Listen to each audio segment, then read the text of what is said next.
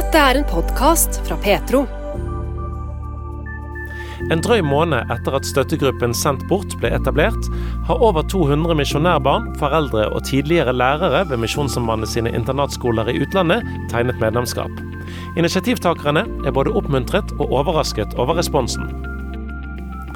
Sju av ti norske jøder har hatt ubehagelige opplevelser knytta til sin jødiske identitet etter at krigen på Gaza brøt ut, ifølge NRK. Norske kristne viser solidaritet gjennom en markering ved Stortinget. I Petro-uken oppsummert for uke fem skal vi òg innom millionunderskudd i forlagshuset Lunde, og du kan få med deg bibelrefleksjoner fra Siren Klungland Moi.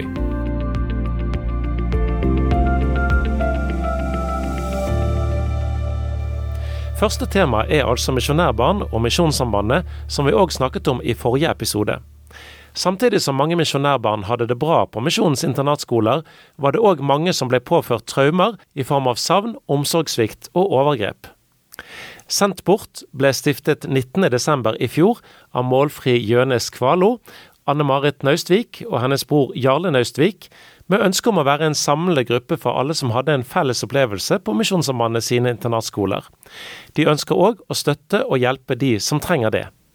Jo, altså vi er eh, tre tidligere misjonærbarn, eller tidligere er feil, vi er jo fortsatt misjonærbarn, eh, som eh, har på en måte sett at det er altfor mange av de vi vokste opp med som fremdeles den dag i dag sliter veldig i livene sine. Og vi syns det var på tide å prøve å få rydda litt opp. Og gi Misjonssambandet en mulighet til å bli litt helter her, da. For det har vært gjort en del forsøk, men som ikke har blitt fulgt godt nok opp. Så tenkte vi at nå hadde vi tid og krefter og ork til å gjøre noe med det. For det må være rett tid også. Men Du sa at du ville gi Misjonssambandet mulighet til å bli helter. På hvilken måte eh, ser du det for deg? Nei, jeg tenker at uh, hvis de tar det på alvor denne gangen, og det vi ønsker er jo å sette oss ned sammen med de og få laget en forpliktende handlingsplan. Uh, hvor vi er med og sier at ja, men dette må til, og dette må til, og det skal være lett for både misjonærbarn og andre som har vokst opp på internatskolene, å søke hjelp og få hjelp uten å måtte dokumentere hele livet sitt og fortelle historien 100 ganger, for det blir en retraumatisering som er eh, ganske skummel for mange. Men på hvilken måte er det viktig for Misjonssambandet, sånn som dere ser det, at, eh, at dere eh, samler disse historiene og, og, vil ha fokus på dette? Hva kan det hjelpe Misjonssambandets organisasjon? Det, det, jo, det gir jo på en måte en mulighet til at Misjonssambandet nå gjerne kan ta oss og rydde opp. Det har jo vært en verkebyll over mange mange tiår. Den kontakten med Misjonssambandet og tidligere eller misjonærbarn. Uh, så, så, det tenker jeg at nå er det en mulighet for å angripe dette på en litt annen måte. Eh, nå er vi flere sammen, og, og, og det handler jo òg om at veldig mange har gitt tilbakemelding om at det å stå alene mot Misjonssambandet, det har vært veldig veldig krevende. Og, og sånn som Målfrid òg sier, at veldig mange opplever jo òg å bli retraumatisert. Og det handler jo litt om den måten som Misjonssambandet da har møtt tidligere misjonærbarn på. Eh, at en opplever å ikke få på en måte anerkjennelse. Eh, så tenker jeg nå er det en mulighet for det. Og, og en annen ting som vi òg har snakket om, det er at eh, det kunne vært fint og det kunne vært godt at nå blir det på en måte òg satt et punktum for oss, men òg for de. At de som ikke kommer videre, har store sår. At det blir en mulighet for de òg å komme videre i livene sine. Og så tenker vi òg på foreldrene våre. De begynner å bli eldre og, og gamle. Eh, de har òg plagdes over mange tiår. Og at det òg for eh, de òg kan settes, eh, settes, et godt punktum nå for, for dette. Det, det er jo det vi håper. Flere tusen barn har gått på internatskole i utlandet mens foreldre var misjonærer. For at barna skulle få lære det samme som barn i Norge, helt fra første klasse i barneskolen, ble skoleinternat bygd. Mange foreldre de jobba langt vekke, og derfor kunne ikke barna bo hjemme. Noen har hatt en god barndom på internatskolene, mens andre har opplevd dette veldig vanskelig. Initiativtakerne til støttegruppa Sendt bort er Jarle Naustvik, Målfrie Jønes Kålo og Anne-Marit Naustvik. Anne-Marit forteller at det ikke bare er misjonærbarna som vil gi respons på initiativet deres. Altså Én ting er jo liksom gjerne tidligere kollegaer, og det er naboer, og det er på en måte nettverk sånn. Men vi opplever jo òg en um, veldig fin respons fra veldig mange foreldre og tidligere lærere, som òg hiver seg på disse listene og legger igjen eh, beskjeder om at å, så flott eh, initiativ, dette var bra, tusen takk for at dere gjør dette. Eh, så det er veldig, eh, veldig overveldende. Også òg for misjonærbarn som melder seg på. De er òg veldig glad for dette initiativet. Så vi har vel egentlig skjønt målfri at etter hvert som på en måte tida har gått nå, at, at dette var det jo faktisk virkelig bruk for, at denne gruppa kom. Og det ser vi jo på, for det, det ramler inn med nye medlemskap hver eneste dag. Og så tror jeg òg at eh, i alle fall for den gruppa med misjonærbarn, så er det veldig godt at de får lov å være anonyme. Eh, og at uh, mange sier at og dette vil jeg være med på, jeg vil være med og støtte arbeidet, men jeg har ikke krefter til å gjøre så mye. Men hvis det er greit at jeg bare er med og medlem, for dette støtter jeg på, så ønsker jeg det. Eh, nei, så vi har Der er litt av hvert på disse listene. Og vi snakket litt om det tidligere, Målfri og meg òg, at, eh, at, noen av disse påmeldingene eller noen av disse som støtter oss òg, det er litt sånn overraskende. For vi hadde liksom ikke sett at den kom. At hæ, eh, liksom støtte den personen.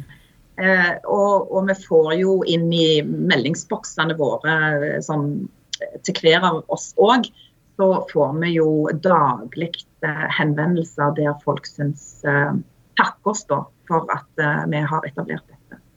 Må en ha hatt en vanskelig oppvekst på internatskole for å være medlem i denne støttegruppa? Nei, på ingen måte. Eh, og det er jo det som jeg tenker er fint, at vi er til for alle. For det er jo heldigvis folk som også sier at de har hatt en fin oppvekst. Og de er selvfølgelig hjertelig velkommen til å støtte de som kanskje ikke har hatt det.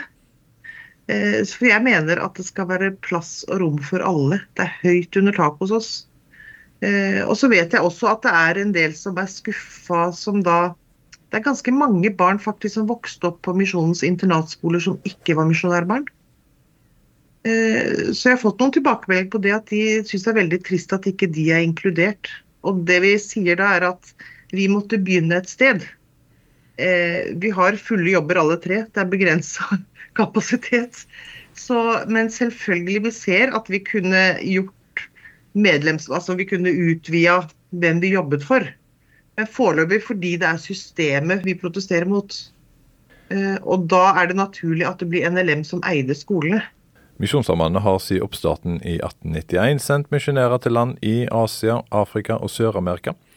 Siden foreldre jobba som misjonærer og ikke kunne undervise sjøl, måtte andre gi skoleundervisning fra første klasse i barneskolen. Valget falt på internatskoler fordi barna bodde så langt ifra foreldrene sine at de ikke møtte dem mer enn to til tre ganger i året. I en rapport som kom i 2009 bestilt av Misjonssambandet og Det Norske Misjonsselskap, kom det fram at av de 1500 som svarte, var det 37% som opplevde internatskolen med glede, 45% med både og og 15% med tristhet. Denne rapporten ble laga etter at flere historier kom fram om barndom med omsorgssvikt, savn og overgrep ifra tida på internatskoler. Støttegruppa Sendt bort er for misjonærbarn, men eh, både foreldre og lærere ved internatskole er medlemmer. Støttegruppa ønsker oppreisning og åpenhet, sånn at enda flere våger å fortelle om sine opplevelser som misjonærbarn. Det at eh, vi nå eh, hopper uti det og deler våre historier, det gjør jo at andre òg gjerne etter hvert vil på en måte òg tørre å, dele sine. Eh, og Vi ser allerede at det er folk som eh, sender meldinger og mailer der de forteller sine historier til oss gjennom mail. Eh, men at de, eh, de sier òg noe om at eh, dette er jo noe som jeg ikke har snakket med mine foreldre om, eller at en ikke har delt det med noen andre, men at de syns på en måte at, at det har vært inspirerende da at vi har gjort det, og at det òg har gjort at de på en måte tør å begynne å åpne litt. Grann. Så jeg tenker jo virkelig det, altså. Åpenhet, det, er, det må vi bli flinkere på. Eh, vi må snakke sant om livet, har jeg ofte tenkt. At eh, nå er det på tide å ikke skyve ting under teppet, men, men vi snakker sant om livet. Da blir det ærlig, og, og da, det, da, kan det bli på en måte en god og anerkjennende dialog òg, tenker jeg. Nå er støttegruppa sendt bort eh, litt over en måned gammel. og dere har vært innom litt om at det er misjonærbarn som er primærgruppa av de som er medlemmer. Men så forteller dere òg at det er foreldre som har meldt seg inn. Og òg personal, altså lærere ved disse internatskolene. Hva forteller det dere? Det er en enorm anerkjennelse.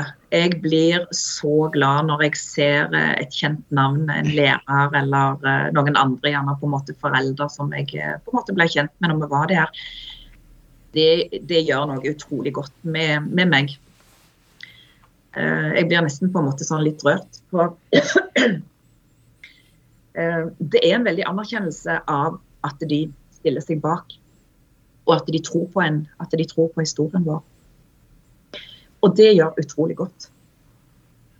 Ja, og så er det òg noe med at uh, det føles som det gir på en annen måte legitimitet. Fordi um, vi ser at de også er ofre. Uh, for det var noe av det jeg tenkte meg mest om på i forhold til å være med og starte gruppa. At vi, er, vi vil ikke kaste foreldrene våre under bussen eller lærerne eller For de aller fleste lærerne også, de gjorde sitt absolutt aller beste. Men det var jo altfor få av dem, rett og slett. Um, og foreldrene våre hadde jo en Altså, for å forklare det litt. Jeg var for mange år siden i terapi hos en psykolog som sa det så fint. fordi vanligvis så blir du møtt i 'Å, stakkar, ja'. Uff, misjonærbarn, ja, så grusomt. De sendte det. Så møtte jeg en som sa at har du tenkt på at du er ganske heldig som har vokst opp med foreldre som, har, som tror så sterkt på noe? Og det satte i gang en veldig fin tankeprosess hos meg. Så tenker jeg foreldrene våre trodde så sterkt på noe at de sendte oss på skole, men de har hatt det like vondt. Men på en annen måte. Så det er veldig viktig at du sier at dette er heia foreldrene, det er for dere også. Initiativtakerne til støttegruppa sendt bort er Jarle Naustvik, Målfri Jønes Kvålo og Anne Marit Naustvik. Denne støttegruppa er for barn av misjonærer som bodde på skoleinternat mens de gikk i barneskolen. Foreldrene hadde et kall til å være misjonærer, til å fortelle andre mennesker som eh, ikke hadde kjennskap til Bibelen, om Jesus. Mange barn forteller at eh, de støtter foreldrene sitt kall til å være misjonærer. Allikevel så forteller Målfri at gudsbildet til mange har vært krevende. Selv så var det mange år hvor jeg ikke hvor jeg på en måte bevisst prøvde å vende ryggen til at nei, det der skal jeg ikke ha noe med å gjøre. Eh, og så har det endret seg med årene. Eh, så jeg har en gudstro i dag, eh, men den er, den er, nok ganske annerledes enn den jeg hadde som barn. Eh, mye mindre frykt, heldigvis. For det er klart, det ble jo fort Jeg vet ikke om det var uttalt, men det ble i hvert fall fort sånn at hvis du gjorde en normal rampestrek, så, så kunne noen på en måte si ja, men hva tror du Jesus syns om det? Eh, og det blir sånn, Alt blir på en måte dårlig samvittighet og byrde. og Hvis du skrev i et brev hjem at jeg lengter hjem, kan dere hente meg? Så ble det på en måte, det ble aldri sagt at nei, det kan du ikke skrive. Men underforstått så var det sånn ja, men da blir mamma og pappa lei seg, og du vet de gjør en viktig jobb. Og så ble det også på en måte tabu. Eh, så jeg sleit veldig med, husker jeg hele barndommen, at det var skam og synd å lengte hjem, fordi da ble det min skyld at alle hedningene havna i helvete. Altså så bokstavelig. Og, og barn kan jo ofte ta ting bokstavelig. Ja, for veldig mange misjonærbarn så har nok det blitt veldig krevende, altså. Eh, og eh, for min del så, eh, så har jeg jo beholdt eh, barnetroen, og så er det jo litt eh, sånn for meg òg at den, er, altså den troen der er jo på en måte annerledes enn en som barn. Fordi at Som barn så var det jo veldig mye dårlig samvittighet for alt, og at jeg er ikke god nok. og Hele veien på en måte måle det opp i, i i på en måte rett eller galt. Og, og som regel så var det jo ikke sant, En følte at en gjorde galt for omtrent alt en sa og var eh, og gjorde. Eh, så jeg har på en måte den, Guds, eh, den troen da, eller har, har altså jeg, jeg, liksom tenker det er en litt mer mildere gud da enn en den, den, guden som jeg ba til når jeg var barn. Eh, og så må jeg jo òg på en måte si at eh, det med sant, gudsbildet og det med de organisasjonene som vi er i, at jeg mista jo eh, jeg mista jo troen på Misjonssambandet da, for mange, mange, mange, mange år siden. Uh, og egentlig sånn menighetsliv generelt, så det er ikke bare liksom det Misjonssambandet. Men, men jeg syns det kunne være skremmende med disse menighetene, og hvordan ting ofte kunne bli veldig uh, Ja, veldig feil da. Eh, så, men, men, eh, så jeg har vært litt redd for det med å gå på en måte i faste menigheter og, og være en del av det livet der. Eh, men jeg har jo liksom beholdt troen da, sånn for, min, for min egen del, da. Og jeg tenker jo at mye av barndommen min òg Vi hadde jo Hva var det vi på en måte flykta inn i som har gjort at den på en måte har overlevd? Og for meg så var jo det liksom musikken det å få muligheten til å spille et instrument og lære noter og være med i kor. Og, Vi holdt jo mye på med det. Eh, og så var det òg at når jeg var veldig veldig fortvila og lengta hjem og grein og, og, ting var vanskelig, så kunne jeg få litt ro i, i, det å på en måte be til Gud. Eh, og at jeg kunne på en måte legge det over i hans hender. da. Eh, og, så, og, det merker jeg jo på en måte i dagliglivet Eh, så, så, kan jeg på en måte Den, den troen og det jeg liksom vokste opp i, det, er, det, ligger meg på en måte ganske nære. Men, eh, men, jeg er jo ikke så aktiv. Altså, jeg går jo liksom ikke i eh, og, og, har egentlig ikke så veldig mange kristne venner og sånn, da. Også, men jeg tenker ikke alltid at det er blitt ødelagt. Det har kanskje forandra seg, for min del. Ja. Mm. Eh, og vi har jo litt sånn fleipete snakket sammen om at vi har fått litt sånn menighetsallergi. Mm. At det er litt sånn uh, Orker ikke at uh, alt skal dømmes og alt skal passes på, alt skal sånn og sånn. Ja. Eh, og, så, og, så, pleier jeg å si, for det er jo typisk det at folk vil gjerne Altså folk som ikke tror, vil jo veldig gjerne diskutere tro, og spesielt selvfølgelig på fester. Det er jo typisk. Da skal man diskutere det, og det er greit nok. Men da sier jeg at den viktigste forskjellen på meg som barn og nå i forhold til tro, det er at nå sier jeg ikke så ofte at jeg ber til Gud, men jeg slår av en prat. Så det er på en måte mer Ja, det er, det er blitt en mer sånn dagligdags Nei, jeg slår av en prat med Gud. Altså, mm. Mm. Hei, pass på litt nå, da. Støttegruppa Sendt bort ønsker å være for alle, uavhengig av tru til den enkelte. Derfor står det på nettsida deres at støttegruppa er livssynsnøytral. For mange som er engasjert og glad i Misjonssambandet, kan det være vanskelig å høre historiene til misjonærbarna som forteller om omsorgssvikt, savn og overgrep. Det sier målfri Jønes Kvålå i støttegruppa Sendt bort. Jeg tror det er noe med at uh, lojaliteten kommer inn. da. At uh, ja, men hallo, de sverter misjonen. Uh, det kan i hvert fall fort oppfattes sånn. Men jeg tenker at enhver organisasjon er ikke sterkere enn sitt svakeste ledd. Og en organisasjon kan ikke bygge seg sterk på å tie om det som ikke er bra.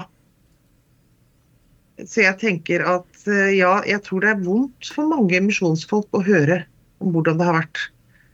Og de skulle sikkert mange ønske at vi tidde stille. Men eh, en eller annen gang så må en ja, legge den ballen død.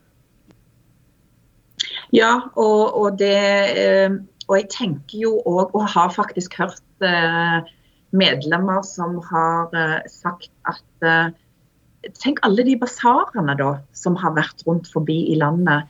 Basarer som, som, er på en måte arrangert av bygde, bygdefolket, eh, misjonsfolket, der en har samla inn penger med ens ærend at dette skal gå til misjonærene.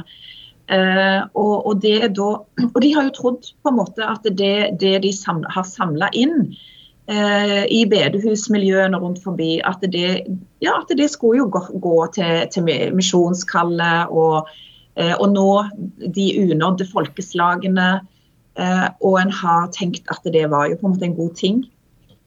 og det er da nå å gjerne få en annen side med historien, at det var faktisk noen som led virkelig i på en måte dette her, og at de til og med var barn, og at ikke vi ble godt nok faktisk ivaretatt, og at vi ble egentlig utsatt for en stor urett eh, alle sammen, det tror jeg er kjempevanskelig å ta inn over seg.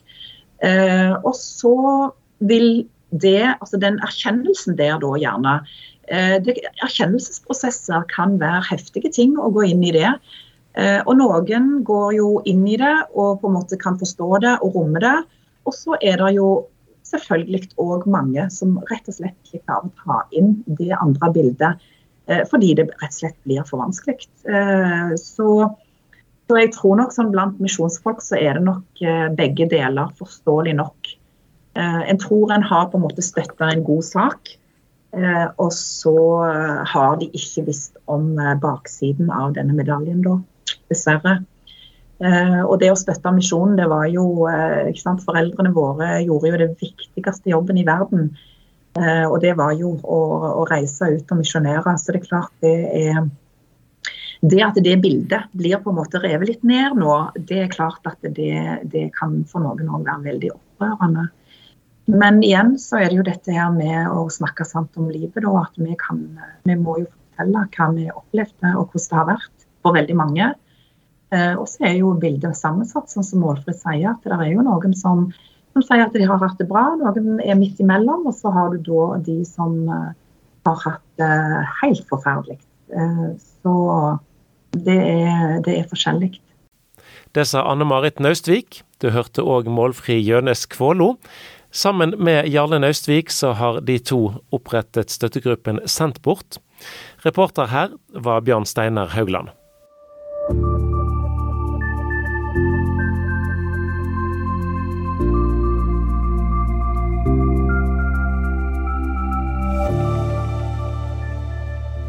Hamas sitt angrep mot Israel 7.10 har blitt beskrevet som den største massakren av jøder siden holocaust. Store sivile tap på Gaza bidrar til at det likevel er palestinerne som får klart mest sympati blant nordmenn, ifølge en undersøkelse som NRK presenterte i slutten av januar. Mye tyder òg på at antisemittismen har fått et oppsving. Lørdag 3. februar blir det, eller ble det, alt ettersom når du hører dette, arrangert en kristen solidaritetsmarkering for det jødiske folk og Israel utenfor Stortinget. Nei, Vi vil eh, samle så bredt som vi kan eh, Kristen-Norge til å markere at eh, det skal være trygt å være jøde, rett og slett, i Norge, men overalt, egentlig. Hmm. Dette sier Kristoffer Eknes, assisterende generalsekretær i Israelsmisjonen. Sammen med Internasjonale kristne ambassade Jerusalem, IKAI, har de tatt initiativ og organisert markeringen utenfor Stortinget. Både pinsebevegelsen, Frikirken, Misjonssambandet, Indremisjonsforbundet, Misjonskirken, Nordmisjon og en rekke andre er med på markeringen og signerer den tilhørende fellesuttalelsen. Den norske kirke har takket nei til å delta. Den polariserte debatten gjør det utfordrende å arrangere en brei tverrkirkelig demonstrasjon, sier Kristoffer Eknes. Ja, det gjør det, fordi vi må jo for det første så må jo vi kunne finne en måte å samarbeide ganske bredt på i denne markeringen her. Eh, vi må finne en måte å kommunisere på som eh, er vanskelig å angripe, da, fordi at vi Det er veldig fort gjort at en blir tatt til inntekt for noe en egentlig ikke har sagt eller mener. Ja, for det er vel lett for når en står her, altså solidaritetsmarkering med jødiske folk og Israel, så er det vel lett at, at en hører støtte til bombing av barn på Gaza, f.eks.? Det kan det absolutt være. Men for oss så handler det rett og slett om eh, antisemittisme, og det har faktisk Israel òg erfart 7.10, av verste sort. Når Hamas angrep staten, gikk inn, drepte 1200 sivile, de fleste av de, og kidnapper folk osv. osv. Det er faktisk antisemittisme som ligger bak, for det var ikke Fri Palestina de ropte, men det var faktisk Slakt jødene, da. Så det er noe det er noe antisemittisme her òg som vi òg må ha med da når vi eh, snakker om konflikten, og når vi har den markeringen, da. Og Så skal en altså da ha en solidaritetsmarkering utenfor Stortinget. Men Er dette òg en, en støtteerklæring for, for krigføringen som pågår nå? Nei, det er det ikke. Det er klart vi står i en kontekst der det er veldig polarisert, og der en, eh, Mitt inntrykk er i hvert fall at mange av mine venner, mange av mine naboer osv., de forstår ikke hva antisemittisme er, og hvor, eh, hvor grusomt det er når eh, ja, f.eks. Israel eller jøder blir sammenlignet med nazister osv. Så det er, er litt òg for å få opp det perspektivet i denne debatten og i, det, i, den fortellingen som blir vist her i Norge. Og i Norge så skiller vi oss òg litt ut i forhold til mange andre land. Da. Så derfor syns vi det er viktig å løfte fram eh, ja, det perspektivet og det jødiske perspektivet, og det israelske perspektivet. Det er tross alt Alle mennesker er òg israelere, og det, det tror jeg eh, vi i debatten har godt av å ta med oss. da. En undersøkelse NRK gjennomførte i slutten av november, viser at syv av ti norske jøder har hatt ubehagelige opplevelser knytta til sin jødiske identitet etter at krigen brøt ut. Antisemittismen har økt dramatisk verden over etter 7. oktober, sier Kristoffer Eknes. ADL, det er en forkortelse, de driver og um, kartlegger antisemittiske hendelser.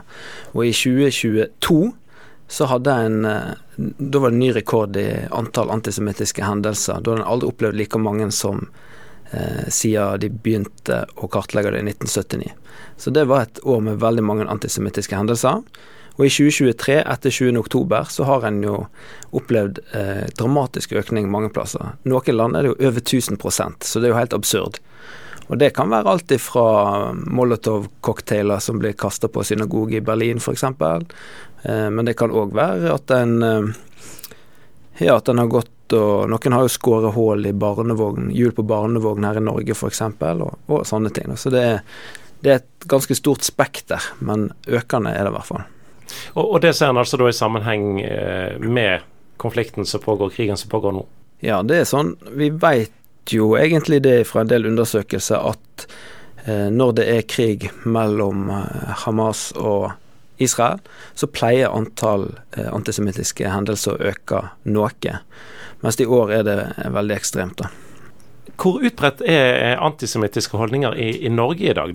Holocaust-senteret har jo hatt flere sånne holdningsundersøkelser. da, og En av de mest sjokkerende funnene der er at nesten 10% av Norges befolkning mener at det er legitimt eh, å utøve vold mot jøder i Vesten, i Europa, i Norge med henvisning til hvordan Israel behandler palestinere. Så det er jo en 500 000, kanskje opp mot 600 000 eh, personer i Norge, da, det tilsvarer, som, som, mener at vold mot jøder er greit, med henvisning til konflikten der. Da. Nesten så jeg har litt vanskelig for å forstå at, at, det kan stemme, at folk faktisk mener det. Ja, det skjønner jeg godt, men eh, hvis du hadde sett i innboksen til noen av oss etter hvert, så tror jeg eh, ja, det finnes absolutt mennesker som ønsker jøder og eh, de som støtter jøder, vondt. Jeg vet at det er et, et poeng for, for, dere som arrangerer denne, denne demonstrasjonen, at, eh, at kristne eh, på en måte har et, et spesielt ansvar eh, i forhold til eh, det med antisemittisme. Hvorfor det? Mm. Jo, det er fordi at uh, kirka, altså vi kristne og den vestlige verden, har på en måte vært eh, hva skal vi si, hovedleverandør av antijødiske holdninger og fordommer i eh, tusenvis av år. Um, og det er egentlig helt opp til vår egen tid. Etter holocaust så en et, tok en et oppgjør med noe av det, men fremdeles så finner vi jo noen sånne forestillinger, da. Det kan være alt ifra det her øye for øye, det her tanken om at jøder de skal hevne seg på alt mulig, som er bare en, eh, ja, en fordom som kirka har gitt et bilde som kirka har skapt av jødedommen, som egentlig ikke passer med sånn som det har vært. Så kirka har vært sånn premissleverandør for antisemittiske, antijødiske holdninger og hendelser. Og derfor er det veldig viktig at vi på en måte tar avstand fra vår historie da, og gjør opp. Om ikke gjør opp, så i hvert fall endre kurs. da. Det har vært store lidelser på begge sider av konflikten fra 7. oktober og fram til i dag. Mange nordmenn syns Israel sitt svar på Hamas sitt terrorangrep har rammet sivile palestinere i for stor grad. Men hvor går grensen mellom legitim debatt og det som går over til antisemittisme? Ja, det her er jo eh, evig lang debatt. da, altså Hele den forestillingen om at eh, hver gang noen ytrer kritikk mot Israel, så blir det tatt til inntekt for antisemittisme. Eh, og det er sånn at eh, du kan fint kritisere Israel eh, og det de gjør. Det er en stat som alle andre. Du kan kritisere det. Det trenger ikke være antisemittisme. Eh, et godt eksempel er jo bare tidligere i 2023, når eh, ja, en sjuendedel av landet gikk i demonstrasjonstog for å mot politikken. altså Det er jo ikke antisemittisme. Ja, så Da snakker du om de store demonstrasjonene som var ja. i Israel i forbindelse med lovreformer og sånt. Ja, så ja. du har masse sånne Så det er helt fint med kritikk eh, sånn. Det som vi må være litt obs på, det er når vi som kommer fra en kulturkrets som er kristen og vestlig, så har vår kultur noen antisemittiske fordommer og uttrykk og sånn som ligger i kulturen vår, og da må vi være litt var eh, på hvordan vi ordlegger oss eh, og hva vi sier. Et godt eksempel i denne konflikten da, er når vi sier at israelere, de israelske styrker de går etter barn, bestemt. Og Det, det hører du jo eh, i media og sånn. Men da spiller du òg på en gammel eh, blodanklage, da, en gammel fordom om at jøder gikk på barn, drepte barn og brukte blodet deres i et matzabrød eh, til, til eh, sabbatsmåltidet. Sånn at det er det jøder på en måte De får den referansen, da. Det er en gammel antisemittisk trope. Eh, det andre er det som vi snakket med øye for øye, tann for tann. Det at eh, eh, jøder er spesielt hevngjerrige, og de skal alltid ta igjen dobbelt så masse, og nå skal de sånn og sånn. Det er òg en sånn gammel fordom som vår vestlige og kirkelige kultur på en måte har skapt, da. Ut ifra en tolkning av øye for øye, tann for tann. At vi tror at det er hevn, men det handler egentlig om erstatningsrett. Da. Så vi, hver gang vi liksom spiller på disse tropene, disse forestillingene, i kritikk av staten, så kan det være antisemittisme. Og, eh, og, det handler jo egentlig bare om det at hver gang vi demoniserer, tillegger motiv osv., så, videre, og så, videre, så kan det faktisk være eh, veldig problematisk og antisemittisk. da. Men, men, er det litt sånn at, altså, at antisemittisme det handler om et eller annet fordi det er jødisk, på en måte? Eh, altså er det mer person enn sak? Ja, altså antisemittisme handler mest om fordommer mot jøder, altså hvordan vi ser på dem. Så finnes det veldig mange forskjellige definisjoner. Det er litt ut av utfordringen her òg, eh, når vi snakker om det, det er at det er litt forskjellige definisjoner. Eh, de, nå er det sånn at Norge og mange andre land de har tilslutta seg en bestemt definisjon, som òg sier at hvis du sammenligner dagens israelspolitikk med Nazi-Tyskland, så er det innafor antisemittismebegrepet, f.eks. Så det er egentlig det vi er forplikta til, så når en gjør det, så er det antisemittisme. Men, men en diskuterer fremdeles dette begrepet i noen, eh, ja, noen plasser. Det er derfor det òg blir litt ekstra vanskelig. da.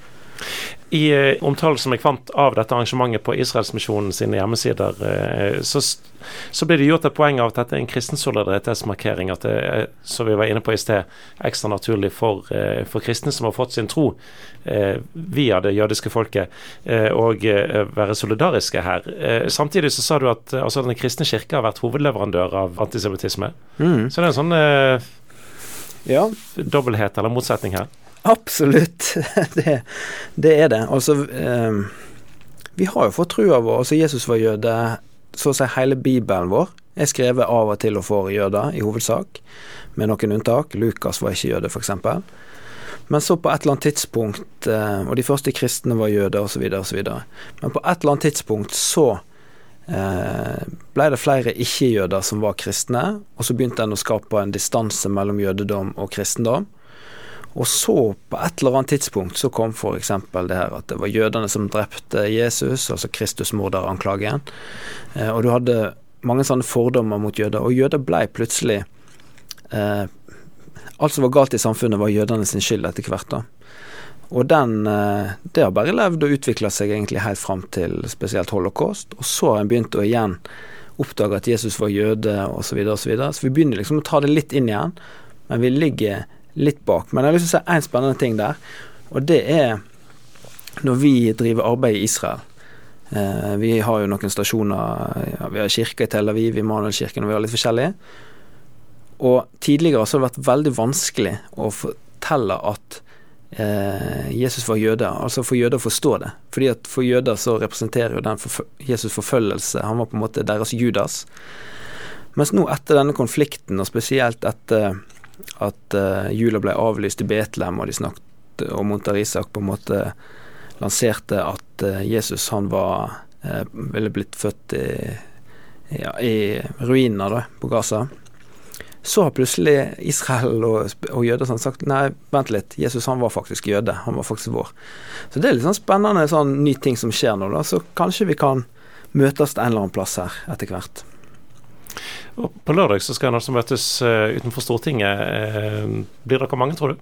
Jeg håper det, men uh, vi vet ikke. Altså, vi skjønner at folk kan være skeptiske og sånn, men jeg tenker det, dette er en enormt stor mulighet til å vise hele Norges befolkning at det skal være trygt å være jøde òg i Norge. Du hørte Kristoffer Eknes, assisterende generalsekretær i Israelsmisjonen. Og solidaritetsmarkeringen utenfor Stortinget, den eh, skjer, eller skjedde, 3. februar. Du lytter til en podkast fra Petro. Vi ønsker å formidle tro, rotfestet, redelig, reflektert og relevant slik at du blir inspirert til etterfølgelse av Jesus. I tillegg til podkaster og webradio kan du høre Petro på DAB 24-7 mange steder i landet. Så skal vi over til bokbransjen. For det er ikke like lett å selge bøker i dag som det var for noen år siden. Det merker òg forlagshuset Lunde, som består av forlagene Lunde Forlag, Luther Forlag, Sambandet Forlag og Veritas Forlag. Forlagshuset går med et underskudd på 1,5 millioner kroner i 2023, forteller forlagssjef Kjetil Jensen. Eh, hovedgrunnen er jo at vi eh, har solgt noe mindre enn vi budsjetterte med. Eh, og så ser vi at helårseffekten av økte kostnader slår veldig inn. Og det er særlig på trykkepriser og frakt som har økt mer enn vi så for oss. Mm. Så dere er rett og slett prega, dere som mange andre, av dyrtid?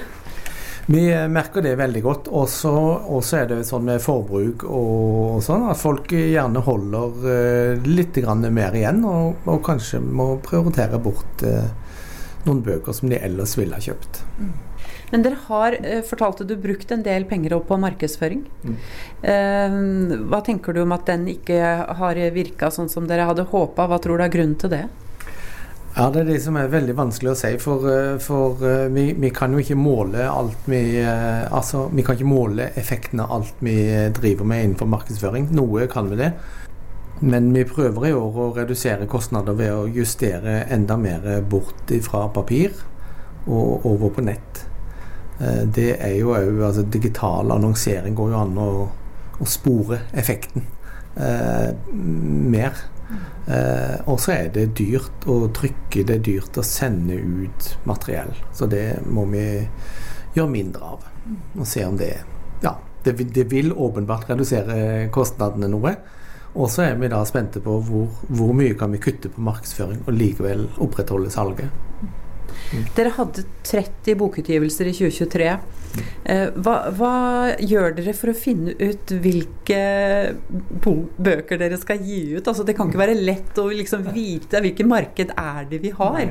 Nei. Dere vet jo noe, selvfølgelig. Ja, dette er jo eh, tusenkronersspørsmålet. Og, og, eh, og, hadde det vært sånn at vi kunne eh, sett inn i framtida, så skulle vi gjerne droppe å gi ut de bøkene som ikke selger nok, og så bare gitt ut bestselgerne. Eh, og, og vi må nok være enda mer kyniske. og og, og, bevisste i eh, utviklingen av bokprosjektene.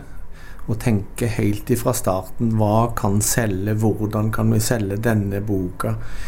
På hvilken måte bidrar forfatteren til å selge osv. Det er noen sånne mekanismer som, som slår veldig inn og, og, og gjør at bøkene selger veldig ulikt. Vi har jo noen bestselgere, eh, så vi vet jo hva vi har oppnådd der. Men det er ikke mulig å få til med alle. Hvilke bøker eller type bøker er dere selger mest av, da? Ja, Vi er rimelig trygge når det gjelder andagsbøker, f.eks. Vi har jo solgt ut den nye andagsboka, Irene Kroke i Dalnes. 1000 bøker på tre uker rett før jul. Så, så jeg vil si andagsbøker. Eh, og, og eh, bøker med bibelundervisning for et bredt marked, bibelgrupper osv. Der er vi rimelig trygge. Vet du hvilken eh, sånn generell kunde Forlagshuset Lunde har? har du liksom, hvem er det som kjøper bøker av Lunde? Mm. Nei, det, det, har vi ikke noe statistikk på. Og, og, og, og den kontakten vi har med kundene, tyder på at det er et stort spekter. Eh, det er unge folk, det er unge familier som kjøper barnebøker, det er besteforeldre som kjøper barnebøker, og det er voksne som kjøper romaner. og det, det, Der har vi hele spekteret. Eh, så, så, vi følger gjerne to viktige ting. og Det ene er eh, vi registrerer at forfatteren er bokas beste selger. Det ser vi igjen og igjen. Og så gir vi jo også ut noen bøker sammen med samarbeidspartnere. Åpne dører, eh, skolelaget. Eh, noen sånne, og det er, det er viktig å, å, ha noen sånne store, store grupper som, som, bruker bøkene aktivt. Mm. Dere lanserer også et nytt uh, konsept sammen med bokhandelen Bok og Media i Oslo. Hva er det det går ut på? Ja, Det går ut på at Bok og Media har utvikla en selvbetjent kasse Eh, og så kjøper vi inn bokhyller sammen med menigheter og plasserer disse bokhyllene ut i menighetene sammen med denne selvbetjente kassa. Og så kan folk der gå og kikke på bøkene våre, og gjerne en gang og plukke den opp igjen neste gang de er i menighetslokalet. Eh, og kjøpe den der med kort eller vips i en selvbetjent kasse. Så hvis det er noen ledere for noen menigheter rundt omkring nå som kunne tenke seg det, så er det henvende seg til Lunde, eller? Det kan henvende seg til eh, oss i Lunde eller direkte til Bok og Media, Hans Petter Foss. Og vi er veldig interessert i å komme i kontakt med menigheter som har ledige lokaler, som kan ha noen bokhyller i inngangspartiet eller på et eller annet sentralt sted og som er interessert i å selge bøker for oss. Og så, og så blir det jo da liggende noen prosenter igjen i, av boksalget i menigheten. Så det er en sånn uh, forsøk på et samarbeid, og, og det å få spredt ut bøkene, ikke minst i lys av at uh, antall kristne bokhandlere har gått ned de senere tiåra, og vi mista veldig mange. Så, så, mange bor langt fra nærmeste bokhandel, og vi har tro på det at uh, folk skal få se bøkene, se nyhetene, kjenne litt på de og bla litt i de, og, og så kjøpe de, da. mm. Jeg regner med at planen for 2024 er å redusere kostnadene og øke inntektene. Eh, hva tror du blir det letteste å utføre av de to tingene? ja, det letteste og mest konkrete sånn er jo å redusere på noen av kostnadene. Jeg har allerede nevnt eh, eh, markedsføring. Der, der, vrir vi enda litt mer og satser ikke fullt så tungt som i 2023. Eh, så jobber vi noe med eh, lager, lagringsplass osv., som er, som er en, liksom en, en tung kostnad. Eh, vi er nokså bestemte på at hvis vi skal opprettholde produksjonen, altså ca. 30 titler, så må vi ha den bemanninga vi har sånn stort sett. Men det er klart det kan jo være at vi skal kutte fem titler og, og forhåpentligvis da kutte de riktige bøkene. Men dette er, dette er forlagsdriften i sin kjerne, altså å finne hvor mange bøker må vi ha, og, og hvilke titler skal vi ha, og hvordan skal vi få solgt det. Mm. Du sitter liksom litt på, på avslutning her ja. i Forlagshuset Lunde, du Ketil Jensen. For du er på vei inn som leder for Misjonssambandet Norge. Har dere funnet en ny forlagssjef? Det er ikke funnet noen ny forlagssjef ennå, men eh, styret var veldig bevisst på å gå i gang raskt da denne nyheten kom, og, og har lyst ut stillingen. Og søknadsfristen var jo allerede 7.1, og jeg vet at de styret jobber videre med noen kandidater. Så vi har tro på at det skal komme på plass. Og det var Sølvi Olim som hadde tatt en prat med forlagssjef Kjetil Jensen i Lunde.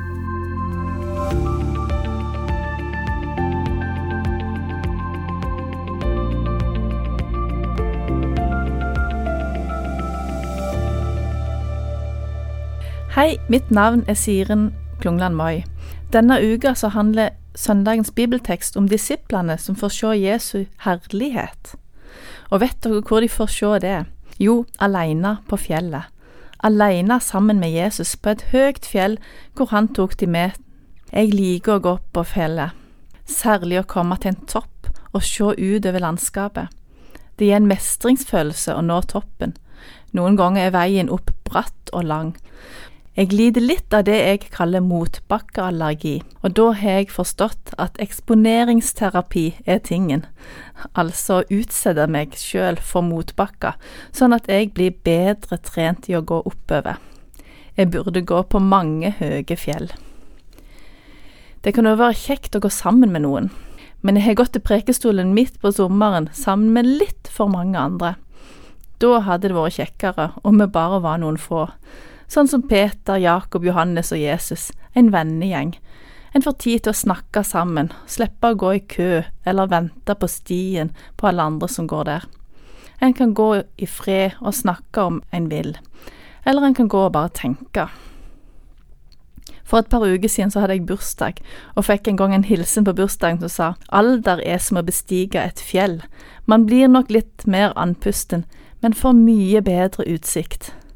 På toppen av det høye fjellet får en en god utsikt, kan føle seg litt på topp, rett og slett. Se verden fra et fugleperspektiv, få litt oversikt, og se hvor vakkert alt er. Noen ganger kan det være lurt å se ting fra en ny vinkel, løfte hodet og få et nytt perspektiv. Ta en tur opp på et høyt fjell for å være litt aleine. Da kan vi kanskje òg få øye på Jesu herlighet.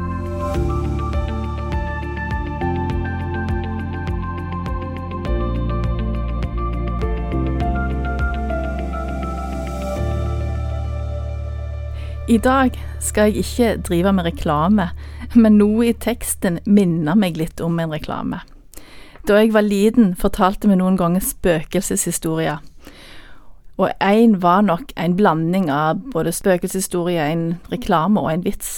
Jeg husker sjelden poengene i vitser, men denne var noe om en blodflekk som ikke gikk av i skjorta og så avslutta den som fortalte med å til slutt rope ut noe sånn som at du må bruke Blenda!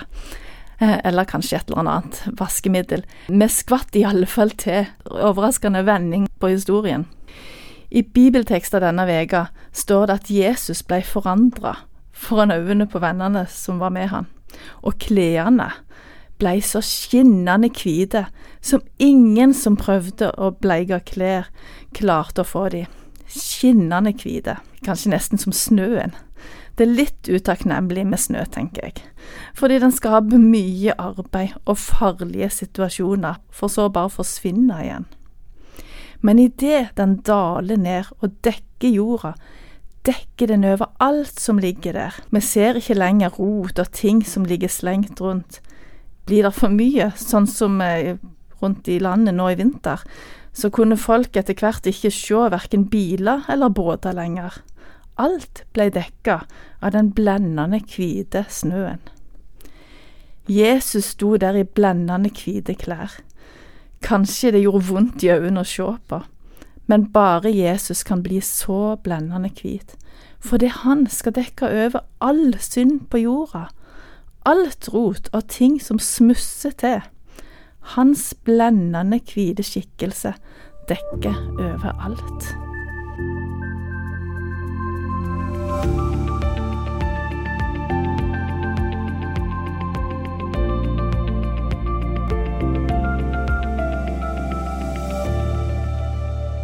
Jeg har to sønner og ei datter, og de elsker jeg. De er mine, og de er liksom litt av meg.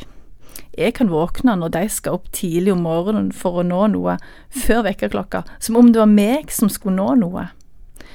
Når de har en prøve eller eksamen, føles det nesten som at jeg sjøl som har det.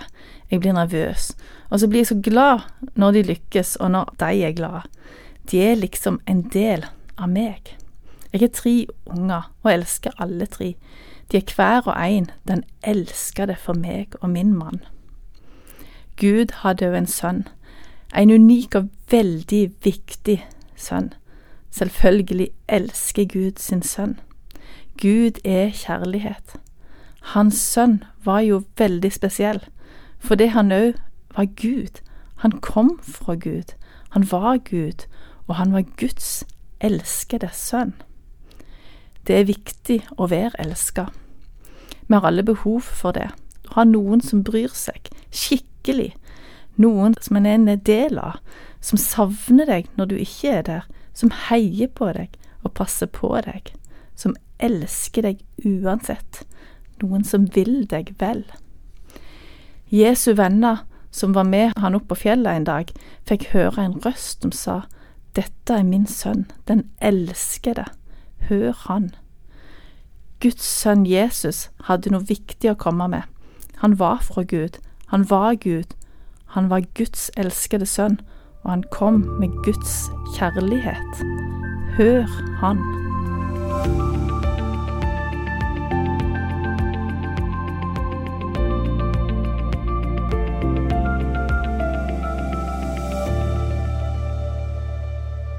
Gi meg Jesus, bare Jesus, synger vi.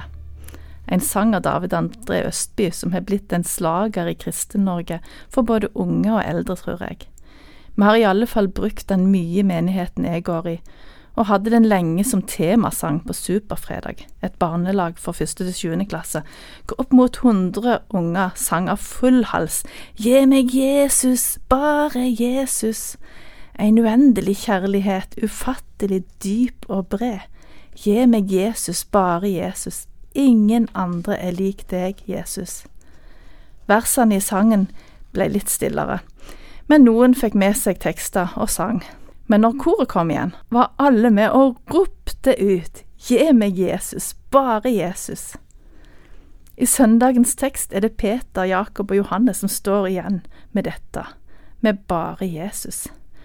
De var på et fjell sammen med Jesus, der de plutselig får se både Elia og Moses sammen med Jesus. Moses, som levde for lenge siden. Han vi huske at fikk de ti bud, loven, og profeten Elia, som òg levde for lenge siden, og profeterte, snakka om ting som skulle skje. Loven og profetene ifra Det gamle testamentet møtte Jesus der og det skjedde en åpenbaring og forvandling. Ei sky kom og skygga over de, og en røst ifra skya sa, Dette er min sønn, den elskede, hør han. Og så var det ingen annen enn Jesus der, bare Jesus. Hør han. Hvem kan lyse opp din sti, gjøre natta om til dag, true vær og vind, stille hver storm, gi sitt liv og gi deg ny verdi. Bli med og rop med ungene og syng av full hals. Gi meg Jesus, bare Jesus.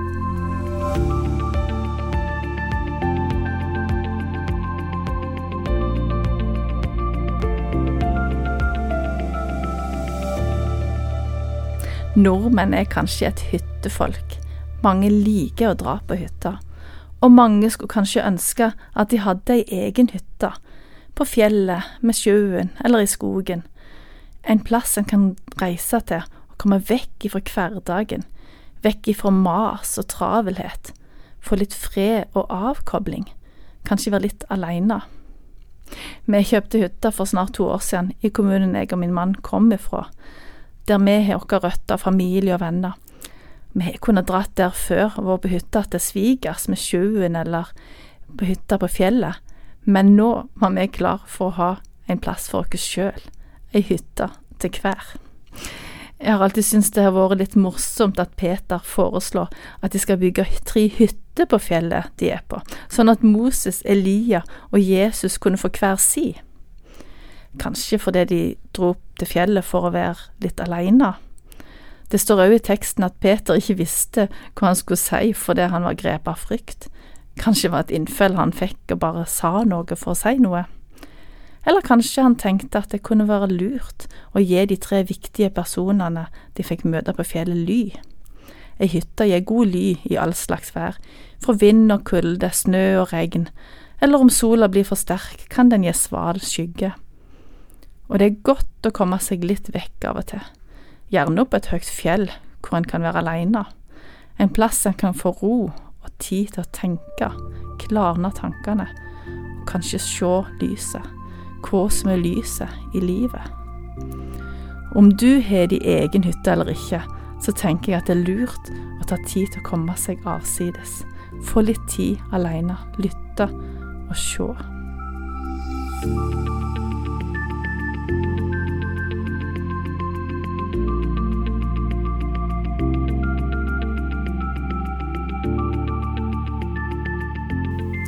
Og disse refleksjonene fra Sirin Klungland Moi var det siste som fikk plass i denne ukens Petro-uken oppsummert.